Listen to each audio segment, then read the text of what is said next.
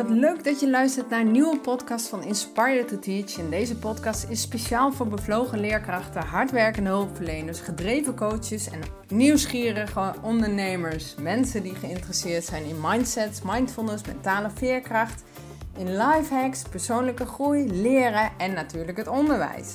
En vandaag ben ik in gesprek met Lou Niestad. En zij is zo interessant. Zij is een leerkracht, ze is ondernemer, schrijfster, illustrator en ze heeft allerlei gave projecten en trainingen gemaakt. En um, nou, wij hebben echt bijna twee uur met elkaar zitten kletsen, dus ik heb deze podcast in tweeën gehaakt. Dus nu luister je het eerste deel en volgende week kun je het tweede deel luisteren. En we gaan het hebben over meervoudige intelligenties, over uh, hoe je het onderwijs nog leuker kunt maken. Wat de kracht is van het volgen van je eigen joy, je eigen waarde, je eigen vrijheid. Ze zegt iets interessants over introverte leerkrachten. En ze heeft de 444-methode, waardoor ze in balans blijft. En ben jij nou geen leerkracht, dan is dit nog interessant voor je. Ze heeft het over de magische minuut en in stilte monnikenwerk doen met leerlingen. Nou, ik vertel je ook nog iets over op reis in je hoofd en hoe je leerlingen een beetje makkelijker kunt laten schakelen van, de, ja, van het begin van je les. Dus er zit heel veel al in deze podcast. Dus wie weet denk je, oh, het is wel leuk om wat aantekeningen te maken. Want er wordt zoveel verteld en na, na een half uur weet je misschien niet meer wat we in het begin hebben verteld. We geven echt leuke tips, dus ik ben benieuwd wat je ervan vindt. En uh, misschien luister je nu voor het eerst deze podcast, dus ik zal me nog heel eventjes voorstellen. Mijn naam is dus Mariska Bos. Ik ben de oprichter van Inspire to Teach. Daar geef ik trainingen, lezingen en coaching op het gebied van mindset, mindfulness en motivatie. Het is echt bedoeld voor onderwijzers. En ik ben oprichter van de Mindfit School. En dat is de leukste online sportschool, mentale sportschool zeg maar, voor de mind. Voor een flexibele mind en een fijn leven. Dus heb jij nou heel vaak het gevoel dat je een beetje in zo'n renje-rotshow bent beland. En dat je gehaast en gestrest voelt. En zou je wat meer rust en energie en plezier willen hebben in je leven. Hè, dat momentje voor jezelf. En krijg je dat heel vaak niet voor elkaar sluit je dan aan bij de Mindfit School. Want hierin uh, word je aan de hand genomen in kleine stapjes en oefenen we elke week met korte uh, oefeningetjes.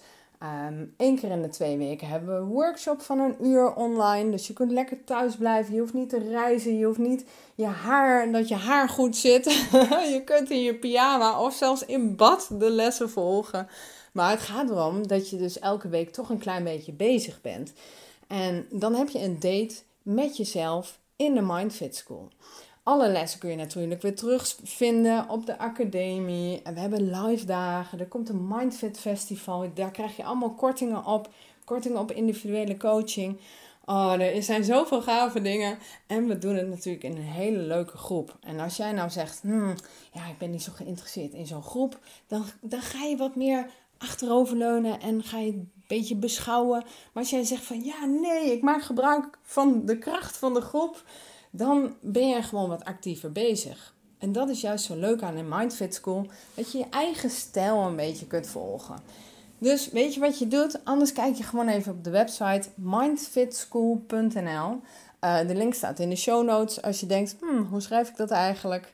En uh, nou, dan uh, zou ik zeggen, ga even lekker klaarzitten voor het gesprek met Lou.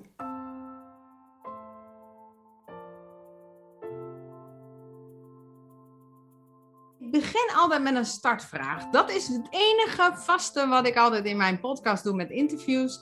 Is welke leerkracht vergeet jij nooit meer en waarom? Ik merk wel oh, dat ik wel, zeg maar, zowel op de basisschool, op de middelbare school, maar ook weer in het voortgezet onderwijs Um, zeg maar, dus op de, in mijn geval weer op de PABO, dat je echt weer, elke school heeft zo'n één leerkracht die verschil heeft gemaakt.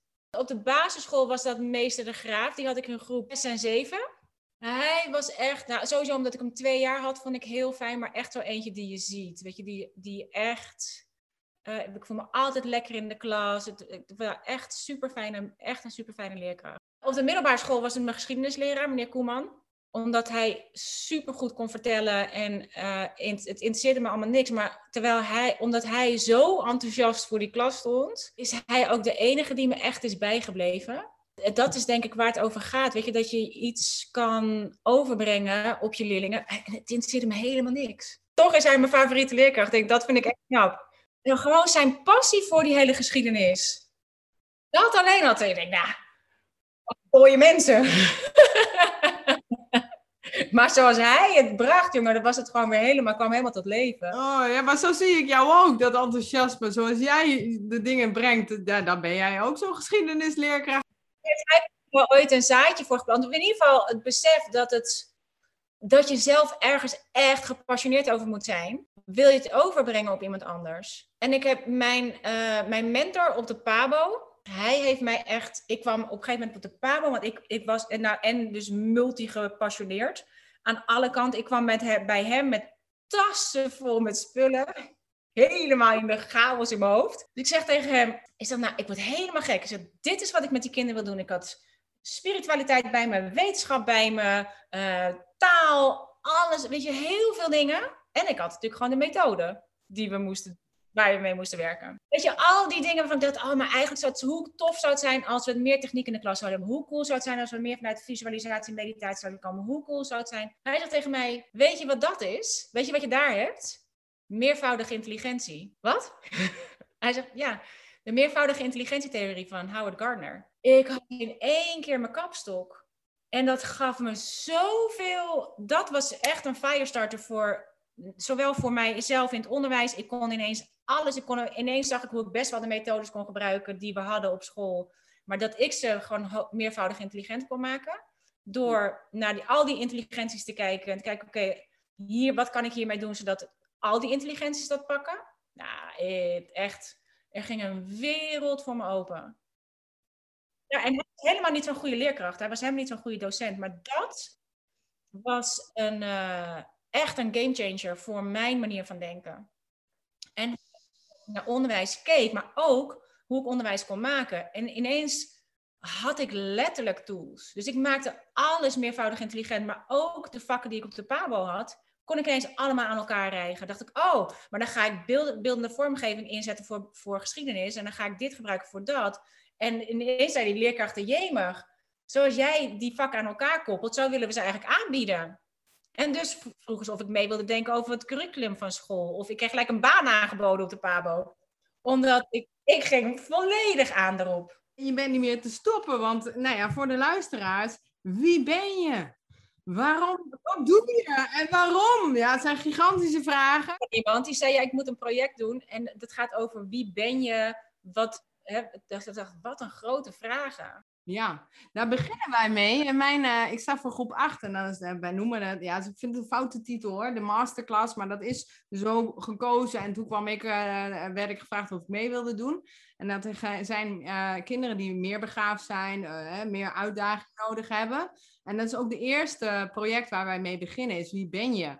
En, dan komen ze eerst met een naam, hè. Ik ben, oh, is dat wie je bent? Nou ja, ik denk aan het boek De Wereld van Sophie. En die begint ook met wie ben ik. Vind ik een fantastisch boek trouwens. Tenminste, het, vooral het begin. Op een gegeven moment wordt het te theoretisch, maar uh, ja, dat is toch wel het idee. Maar goed, ehm, nou, in, in, plaats van wie ben je, kun je je even voorstellen. Als je dat allemaal weghaalt, ja, wie ben je? Wat blijft er eigenlijk over? Uiteindelijk ben je alleen nog maar je ziel. Als je het allemaal afpelt, dan blijf je alleen nog maar bewustzijn over. Want als ik alles weg zou halen en ik zou dat niet doorhebben.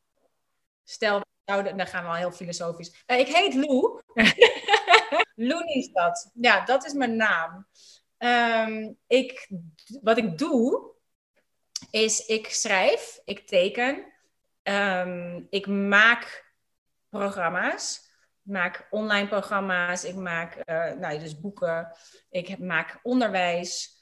Ehm, ik maak kinderen. En die maken kinderen. Dus ik heb kinderen en ik heb kleinkinderen. En ik ben getrouwd. Ik heb super fijne, super fijne man. Dat is wat ik doe. Maar wat ik ben. Een hele interessante vraag, ja. Want wie ben je als je al die dingen niet hebt? Wie ben je dan? Als we er nog een schil omheen kunnen, kunnen pakken. Want ik denk dat de luisteraars nu al weten dat je iemand bent die heel enthousiast is. Je inspireert. Je hebt mij ontzettend geïnspireerd. En als ik zo meteen even mag vertellen wat dat dan vooral is. En ja, misschien wel leuk. En uh, je bent ontzettend nieuwsgierig en leergierig. En, en je pakt het vast, je vreet het op, je koudt het en je spuugt het weer uit als het ware. En, en dat wordt altijd bij jou een creatief iets. Dus ik zie je als een gigantisch creatief monster. En ja, ik, uh, ik volg jou een hele tijd en ik, uh, ik, je, je staat echt op mijn lijst van inspirerende mensen. Oh, wat leuk. ja, en uh, ik heb programma's van je gezien. En wat jij eigenlijk doet, is mij elke keer weer herinneren aan. En als ik daar één woord wat bij jou past, is joy. Ja. Dat is jouw dingetje, dat is jouw kapstok. Elke keer herinner jij mij eraan van, ho, wacht, even even, die to-do-list is niet belangrijk. Wat is nou echt, echt belangrijk? Wat zijn je waarden? En voor jou is dat joy. En dat is ook, nou, dus, ik zei net, ik heb dan heerlijk gewandeld met mijn man. En toen hadden we het over werk. En zo van, ja, eh, is het nog leuk genoeg, weet je wel? Ehm, ja, wat wil je nou eigenlijk? En, en dat soort vragen. Waar word je nou echt heel blij van? Nou, daar hadden we het net over gehad. Ja, ik zeg, oh wat grappig. Ik ga straks met Lou praten over uh, nee, dit soort dingen. De joy die je hebt. Want ja, laten we even vanuit gaan dat we maar één keer leven, hè, voor het gemak. Ja. leven In ieder geval dit, in dit leven. Dus in, in één, we hebben in ieder geval maar één keer het in deze vorm, op, deze, op dit moment, in deze tijd. Dat is het enige moment dat we hebben. Super klein. En het is zo voorbij. En eh, je weet dat ook wel, dat is die ene, ik weet haar naam niet meer, maar er is zo'n vrouw die heeft met in de palliatieve zorg gewerkt, met mensen gesproken over, ja, je, je bent stervende, wat zijn jouw, waar heb je spijt van in je leven?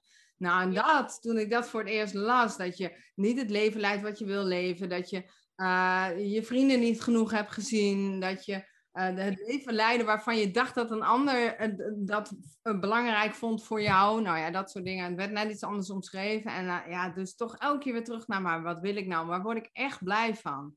En dat is iets wat jij mij elke keer weer helpt herinneren. Dus dank je wel. Ja, het, is waar wat je zegt. Het is gewoon herinneren. Want het zijn dingen die we gewoon allemaal al weten. We zijn allemaal zo geboren. Weet je, er is helemaal, het is veel meer, we moeten veel meer ontleren uiteindelijk dan dat we moeten leren. Want we, er zijn zoveel dingen bovenop gekomen. Maar elke, en elke keer kies je gewoon opnieuw. Elke keer, want je raakt toch elke keer weer van het pad af. Elke keer raak je weer meegesleept door van alles. Totdat je weer je bewustzijn omhoog komt en je denkt, oh wacht even, is dit wel wat ik wil? Of is het wel wat de volgende stap is? Of is dit nog wel, hè, word ik hier zelf nog wel gelukkig van? Dus het is, voor mij is dat joy en vrijheid. Want die vrijheid heeft natuurlijk ook een, uh, zeker wij als entrepreneurs, naast het feit, kijk, jij staat ook nog letterlijk voor de klas en dat voelt vaak minder vrij. Maar als entrepreneurs, ja, dat, gaan we doen omdat we de vrijheid willen. Maar vervolgens zetten we onszelf helemaal klem vast in allerlei dingen die we denken dat we moeten doen. Of uh, in list of in, in 24 uur per dag bezig zijn omdat we een online business hebben, of omdat het kan, of omdat we gewoon niet uitgeschakeld kunnen worden. Vrijheid is ook zo'n hele, echt dat soort waarden, die zijn, die zijn ook goed toetsbaar, want je kunt heel goed bij jezelf nagaan van oké, maar voel ik me vrij als ik dit doe? Vrijheid wil niet zeggen, net als joy niet hetzelfde is als plezier. Het gaat niet om leuk, het gaat niet om plezierig. Het gaat niet om alleen maar leuke dingen doen. Joy is een hele ongelooflijk, heel groot gevoel. Je kunt heel druk zijn, maar vol joy zitten. Het, dus het gaat niet om vrije tijd. Vrijheid gaat ook niet over vrije tijd. Vrijheid gaat ook niet over. Het gaat niet over vakanties. Het gaat niet over niks doen. Het gaat niet over. Het gaat over dat je je vrij voelt om de dingen te doen zoals jij denkt dat ze goed zijn. En of je je joy. En het is net als passie. Je bent niet ergens. Je, je, komt niet, je, je passie neem je gewoon overal mee naartoe. Het maakt niet uit wat er voor de deur staat. Het maakt niet uit waar je bent in time en space. Het gaat erom: oké, dit is waar ik nu ben. Waar ligt hier de joy? Waar ligt hier de vrijheid? Hmm. Ja, vind ik wel mooi hoor. Want ik kan me voorstellen dat je een leerkracht bent en dat je denkt, ja, vrijheid, vrijheid. Maar je moet gewoon allerlei dingen voor de klas doen. Maar als ik dat even vertaal, dan kan ik me voorstellen van ja, maar je, je hebt wel je eigen stijl. Het is zo'n belangrijke waarde, omdat je, je kunt door jezelf die joy, nou net, net als mijn geschiedenisleraar, waarvan ik dacht, wat is het voor domvak? Maar dat ik zo'n plezier had in dat vak, omdat ik zo'n plezier had in naar hem kijken. Daarover zijn passie voor dat vak. Dus dat maakt dus wel degelijk verschil. En dan hebben wij ook nog de vrijheid om de methodes die wij misschien als vast zien, volledig naar onze hand te zetten. Wat volgen, je leerlijnen, je leerdoelen, je kerndoelen. Deal with it. Als dat het ergste is, die zijn allemaal uitgezet van groep 1 tot en met groep 8. Oké, moeten ze dit kennen en kunnen aan het einde van de rit? Oké, prima. Maar ik bepaal hoe ik, ze dat ga, hoe ik ze dat ga geven. Ik bepaal de inhoud van de les. Ik kan oké, we moeten vandaag, uh, weet ik veel, coördinaten doen. Maar ik bepaal waar die coördinaten over gaan. Ik ga wel eerst vanuit mijn kringgesprek eens eventjes uh, informatie inwinnen over wie is waar wel eens geweest uh, enzovoort. Waardoor we, dat je het altijd terug kan brengen naar de leerling. Die vrijheid hebben wij. Ja, absoluut. En, en daarin je eigen stijl te vinden van ga ik daarin... Mijn beste vriendinnetje is een heel introverte leerkracht super goede leerkracht. Mijn kinderen willen echt bij haar zijn, omdat ze veel vertrouwen uitstraalt. En, en haar manier van lesgeven is een heel andere manier dan ik. Terwijl ja, we zijn alle twee hartstikke goede leerkrachten zijn. Je kunt heel leuk organiseren. Je kunt, ik wil er een feestje van maken, weet je wel. Daarin altijd variëren. Maar dat is wel, uh, ja, ik denk dat het wel belangrijk is. Ja, het is wel mooi dat je dat zegt, want sowieso is introvert natuurlijk altijd een beetje uh, gek is. Ik denk namelijk wel dat ik een introvert ben. Ik denk dat ik een soort enthousiaste introvert ben. Ik denk dat introvert en extravert vooral gaat over uh, laat je jezelf op in je eentje of laat je jezelf op met, door middel van anderen. Heb je anderen nodig om jezelf op te laden?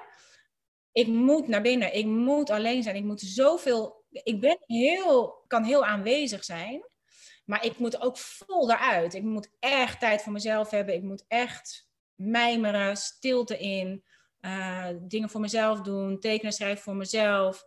Dat is waar bij mij, want wat jij zegt, ik neem informatie tot me, ik kou erop en ik spuug het uit. Het is wel de bedoeling dat ik het eerst zelf verteer voordat ik het geef. Want anders word ik een doorgeefluik en dan, heb ik er, dan blijft bij mij niet hangen.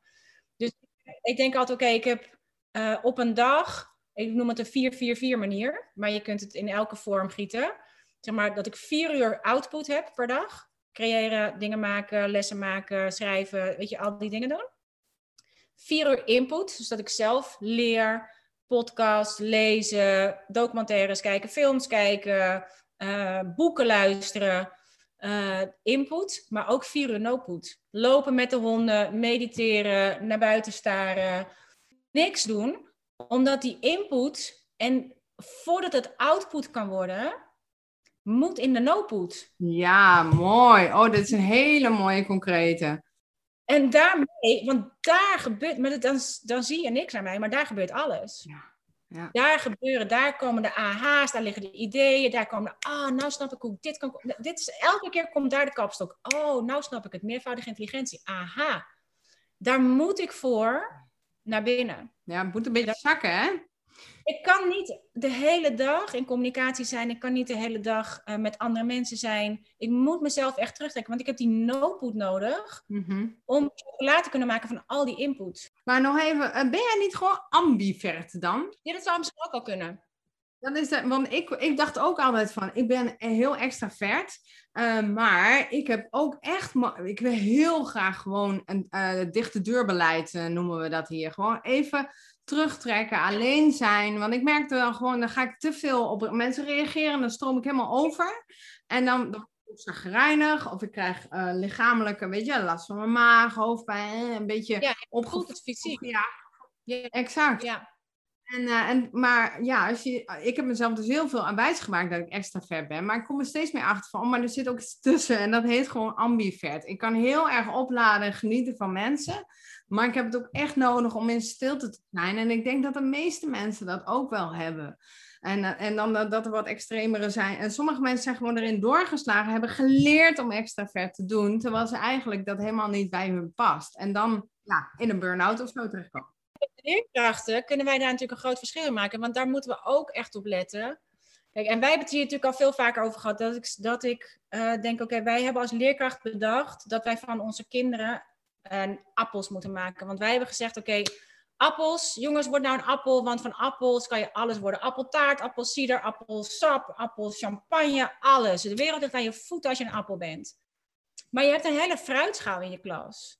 Dus op het moment dat ik zeg, joh, doe nou even zo, word nou gewoon een appel. Dan denkt hij peer, huh? Dan denkt hij banaan, huh? Dan denkt hij druif, wat?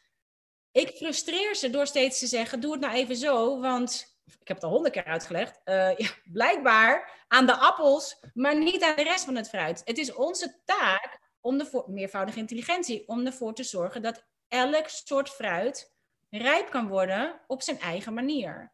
Als wij heel extraverte leerkrachten zijn, dan, dan willen wij van die kinderen dat ze presentaties houden voor de klas. Dan moeten ze dit doen, dan moeten ze het op die manier doen. Maar daarmee uh, ontneem je ze hun talent. Want je geeft ze stress, want ze moeten voor die klas. Ja, moeten we dit leren? Ja, enerzijds moeten we dit leren, maar er zijn andere vormen voor. Je kunt als introvert ook een film maken en die film vervolgens presenteren voor de klas. Zodat je, dat je het in je, met jezelf en je input, output, no-put aan de slag kunt. Je maakt er iets moois van en dat presenteer je. Waardoor je zelf achter je, je ontwerp kunt gaan staan.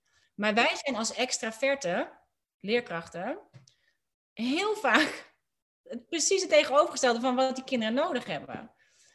Uh, more power to de introverte leerkrachten. Want inderdaad, die stilte. Maar dit is überhaupt de magische minuut. Ik weet niet of jij hem gebruikt in het onderwijs. Maar een minuut niks. En, het, en er gebeurt iets. Het zit altijd in de stilte. Het zit altijd in de stilte. Ik heb met groep 8 en ook later met mijn, uh, met mijn plusklas, met hoogbegaafden van verschillende scholen.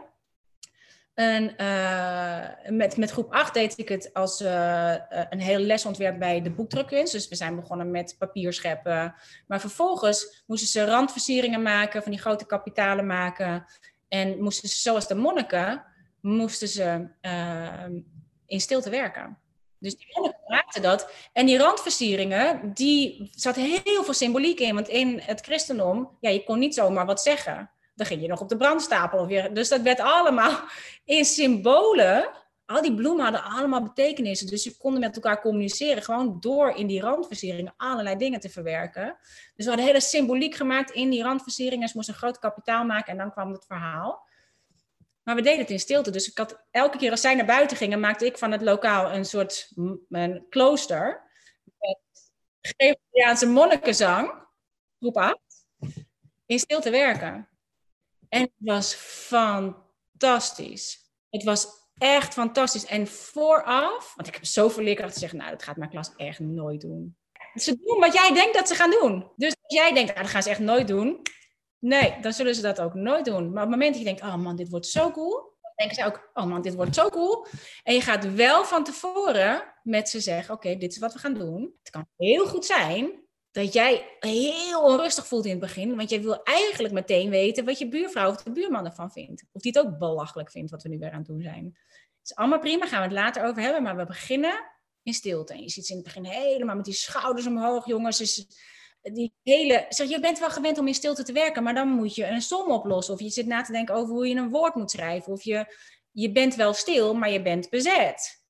Maar op het moment dat we gaan tekenen, dan ben je niet bezet. En dan komen ineens al die gedachten omhoog. En die gedachten wil je eigenlijk meteen delen met je buurman of je buurvrouw. Alleen nu deel je ze eerst met jezelf. Dus nu komen al die gedachten omhoog en denk je, shit, shit, shit, wat moet ik met al die gedachten? Daar gaan we het later over hebben. Maar jij gaat, je zult zien als die gedachten helemaal komen, dan gaan ze vanzelf voorbij. En dan voel je je vanzelf rustiger worden. En echt, jongen, je zag ze, op een gegeven moment zag je echt die schouders zakken. En dan valt er een stilte over de klas, die is onwaarschijnlijk cool. Die is onwaarschijnlijk cool. Het is echt een diepe stilte. Het is een, soort van contemplatieve stilte. Er gebeurt iets in die klas. Het is echt magic gewoon. En dan moet je natuurlijk weer verder met je les. Maar het was altijd jammer als we weer moesten gaan spreken. Op een gegeven moment wil je gewoon niks meer zeggen. En ik heb het zelfs met hoogbegaafden gedaan. En die hadden ze me nog niet eerder gezien. En ik had, en ik deed met hen niet die randversiering doen, maar van die, van die Keltische knopen. Die zijn dus heel ingewikkelde knopen die ze maken. En daarvan had ik wel instructie neergelegd, uiteraard. Maar ik had ze vooraf een mail gestuurd dat, uh, dat we met elkaar zouden komen. Die kinderen kenden elkaar nog niet. En ik had alleen maar de uitleg op tafel gelegd, zowel in getekende vorm als in geschreven vorm. En Gregoriaanse monnikenzang stond op. Zij kwamen in die klas waar ze nog niet eerder waren geweest. Ze hadden mij nog niet eerder gezien. Ze hadden elkaar nog niet eerder gezien. Oh man, je ziet echt gewoon nee, elkaar een beetje zo aankijken van, oh mijn god, wat is dit? Dan proberen te begrijpen wat de opdracht is. Waar de een meteen aan de slag kan, de ander niet. En daar gebeurt natuurlijk zeker bij die hoogbegaafden bij elkaar al van alles. Want die weten in hun eigen klas wel ongeveer hoe slim ze zijn. Maar zit je opeens met al die andere hoogbegaafden en denkt, oh mijn god, nu ga ik door de mand vallen. Nu komen ze dat ik echt niet zo slim ben. En dat ze dan niet begrepen wat ze moesten doen. En je ziet de frustratie van het kind zelf. Je ziet ook de frustratie van het andere kind, wat het wel weet en wat eigenlijk wil helpen. Maar we hebben afgesproken dat we niet spreken.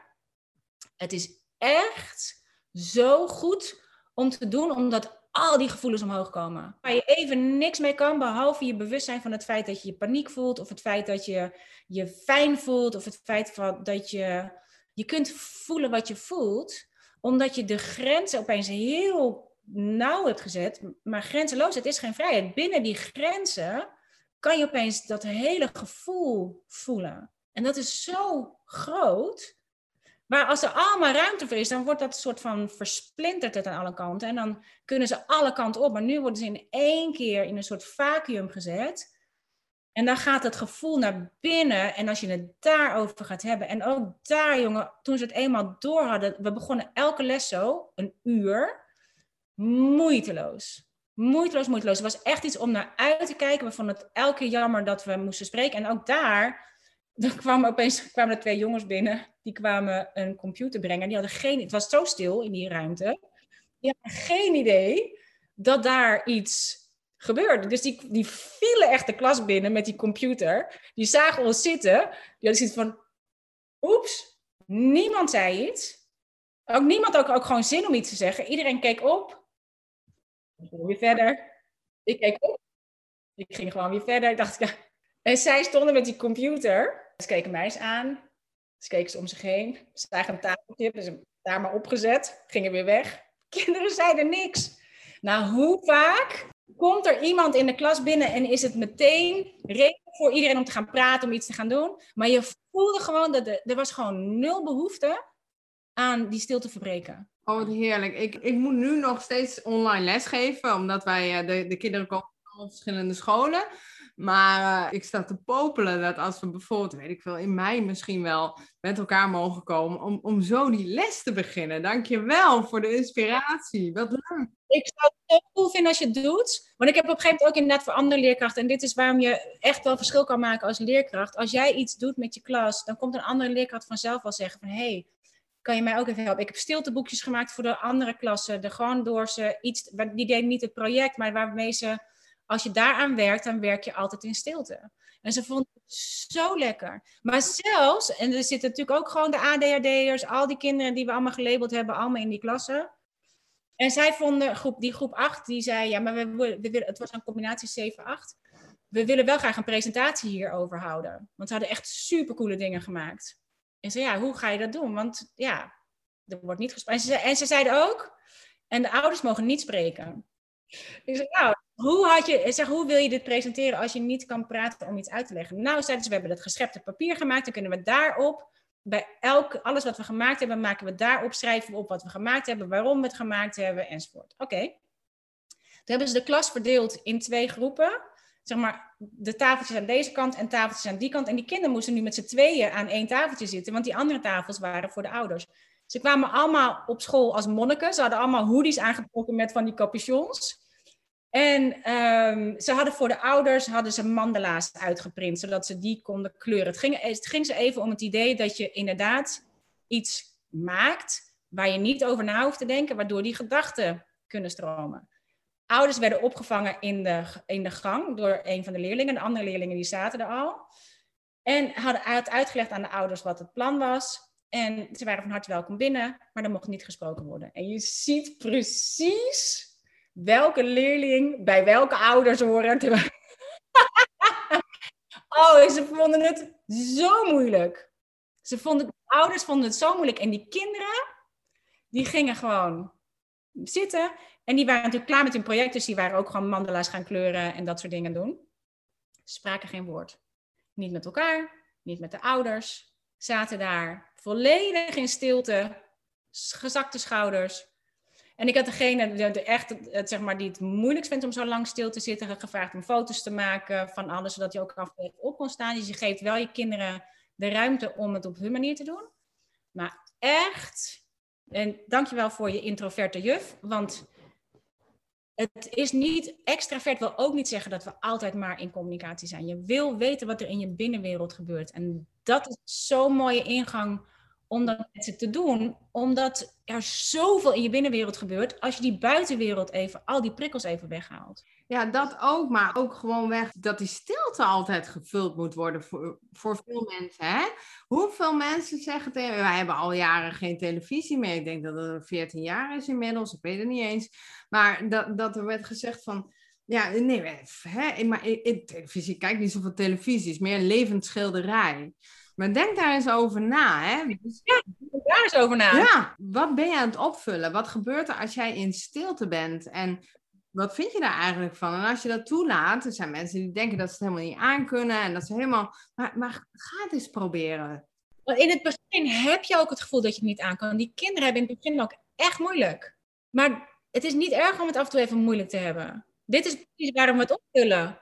Het is juist heel goed om te weten wat je voelt als je, ehm, als je naar binnen gaat, dat je echt weet wat jij denkt. Het gaat erom wat jij denkt. En die gedachten die komen omhoog op het moment dat je in stilte bezig bent aan iets waar je je analytische brein niet voor nodig hebt. Je hoeft niks op te lossen. Je hoeft niet iets te. Je kunt juist even in die vrije geest, waar je, zeker als je gaat creëren, als je gaat nadenken over en even zelf gaat nadenken, in dit geval met die randversiering, oké, welke symboliek wil ik gebruiken? Wat wil ik eigenlijk zeggen? Wat kan ik daarvoor gebruiken? Dat, daar moet je voor naar binnen. Ja, dat kan je met elkaar gaan bespreken. Maar het is jouw symboliek. Jij weet alleen maar het antwoord. Jij moet naar binnen. Voor welk gevoel kan ik welke symboliek gebruiken? Voor, en hoe ga ik dat communiceren met een... Ik mag niks zeggen. Maar ik wil wel weten hoe een ander, dat een ander kan zien hoe ik me voel. Door middel van symboliek. Of door middel van... Ja, man, het is echt fantastisch. Ik heb helemaal zin om nu ook zelf zo meteen lekker te gaan friemelen en te tekenen. Ja, echt. En inderdaad, met die, met die om dat met Keltische knopen te doen, is echt, het is heel ingewikkeld. Je moet echt een soort hoger bewustzijn hebben om dat te kunnen maken, om het te kunnen zien. En het is zo lekker voor ze, want ze zitten in een soort ehm, ingespannen ontspanning. Want het is wel ontspanning en je hoeft er niet in die zin over na te denken. Je hoeft niet iets uit te rekenen of je hoeft niet. Je moet heel goed kijken, je moet heel goed verbindingen leggen. Je mind is bezet. Maar het is, hebben wij het al eerder gehad over jong leren? Ja, ik, ik gebruik uh, jong leren inderdaad, maar uh, in mijn klas ook. En, en jij hebt het ook veel gebruikt, hè? Ja, want dat heeft dezelfde. Het, het geeft dezelfde uh, benefits voor je brein. Zeg maar. Je moet met jong leren natuurlijk wel degelijk je aandacht erbij houden. Je gebruikt je bewuste mind. Ballen in de, letterlijk in de lucht te houden. Maar je hoeft daar verder niet over na te denken, waardoor je, je mind is bezet, wat overal wat van kan vinden. Die is bezet, want je moet die ballen hoog houden. En je vrije geest, dus je hebt hier analytisch mind, probeert hier dit, de ballen omhoog te houden. Je vrije geest heeft opeens ruimte voor ideeën, voor aha's, voor... Ga kinderen met ballen overgooien en ga ze overhoren, komen er moeiteloos die antwoorden. Want ze kunnen niet nadenken over of dat ze het niet weten, want de, dat stuk van het brein is bezet. Dus omdat dit uh, bezet is, dit stukje, uh, kan ik niet, weet ik niet, I don't know, geen idee, wat is het ook weer, oh help, ik weet het niet, bla bla bla, is bezet. Want moet die bal in de lucht houden. En ineens vloeit het er zo uit. En dat ze zelf echt denken, hè, hoe weet ik dit? Je hebt het opgeslagen, alleen je hebt er iets overheen gelegd wat zegt ik weet het niet. Maar haal, zet dat even, parkeer dat met die ballen. Ga jij maar lekker spelen met die ballen. Dan kan ik jou ondertussen even vragen wat je weet, wat je weet. Je weet zoveel meer. Echt, en, altijd bij dat praten en bezig zijn, maar in stilte mediteren. Ik heb zo vaak ook dat er dan ook allerlei dingen in naar boven komen. Uh, ik denk, oh ja, natuurlijk. Ik, ik heb, eigenlijk heb je geen mentor nodig, maar je weet het wel je weet echt zoveel meer dan je denkt dat je weet. Maar we hebben het gewoon volgepland met allerlei overtuigingen. We hebben het volgepland met allerlei angsten. We hebben het volgepland met allerlei kan ik niet, weet ik niet, durf ik niet. Waardoor we er niet kunnen komen. Maar die vrije geest, we hebben misschien wel die analytische mind, heeft wel, neemt de grootste ruimte in ons denken op. Maar er is nog steeds een stukje, en eigenlijk is het andersom, want die analytische mind, die pakt eigenlijk maar 5% van die brein. 95% is onderbewustzijn. Maar omdat dit maar zo bezig is met van alles, kan dat andere stuk er niet zo makkelijk door. Maar wel als je dit even bezet houdt, is oké, jij gaat even leren, jij gaat even Keltische knopen maken, jij gaat even tekenen, jij gaat even iets anders doen. En aha, daar antwoord. Aha, daar is de volgende stap. Aha, nu weet ik wat ik moet doen. Dat visualiseren, dat is ook inderdaad, dat heb ik ook gedaan als beginnende leerkracht heel veel. Want ik had een groep drie en die functioneerde niet zo heel goed. Die had hele lage cijfers, een beetje zo'n drukke, nou ja, jongensgroep werd het dan een beetje gezegd.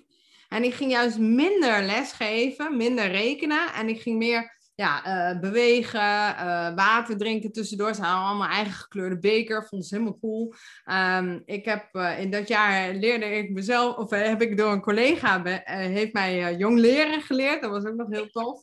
En ik deed op reis in je hoofd. Dus dat was visualiseren. Nou, noem maar een dier, noem maar een plek. En dan gingen we dan ogen dicht, lekker uh, even dat omschakelen van ik kom van thuis en ik ben nu op school. Want ik zag ook wel dat sommige kinderen het gewoon heel moeilijk hadden.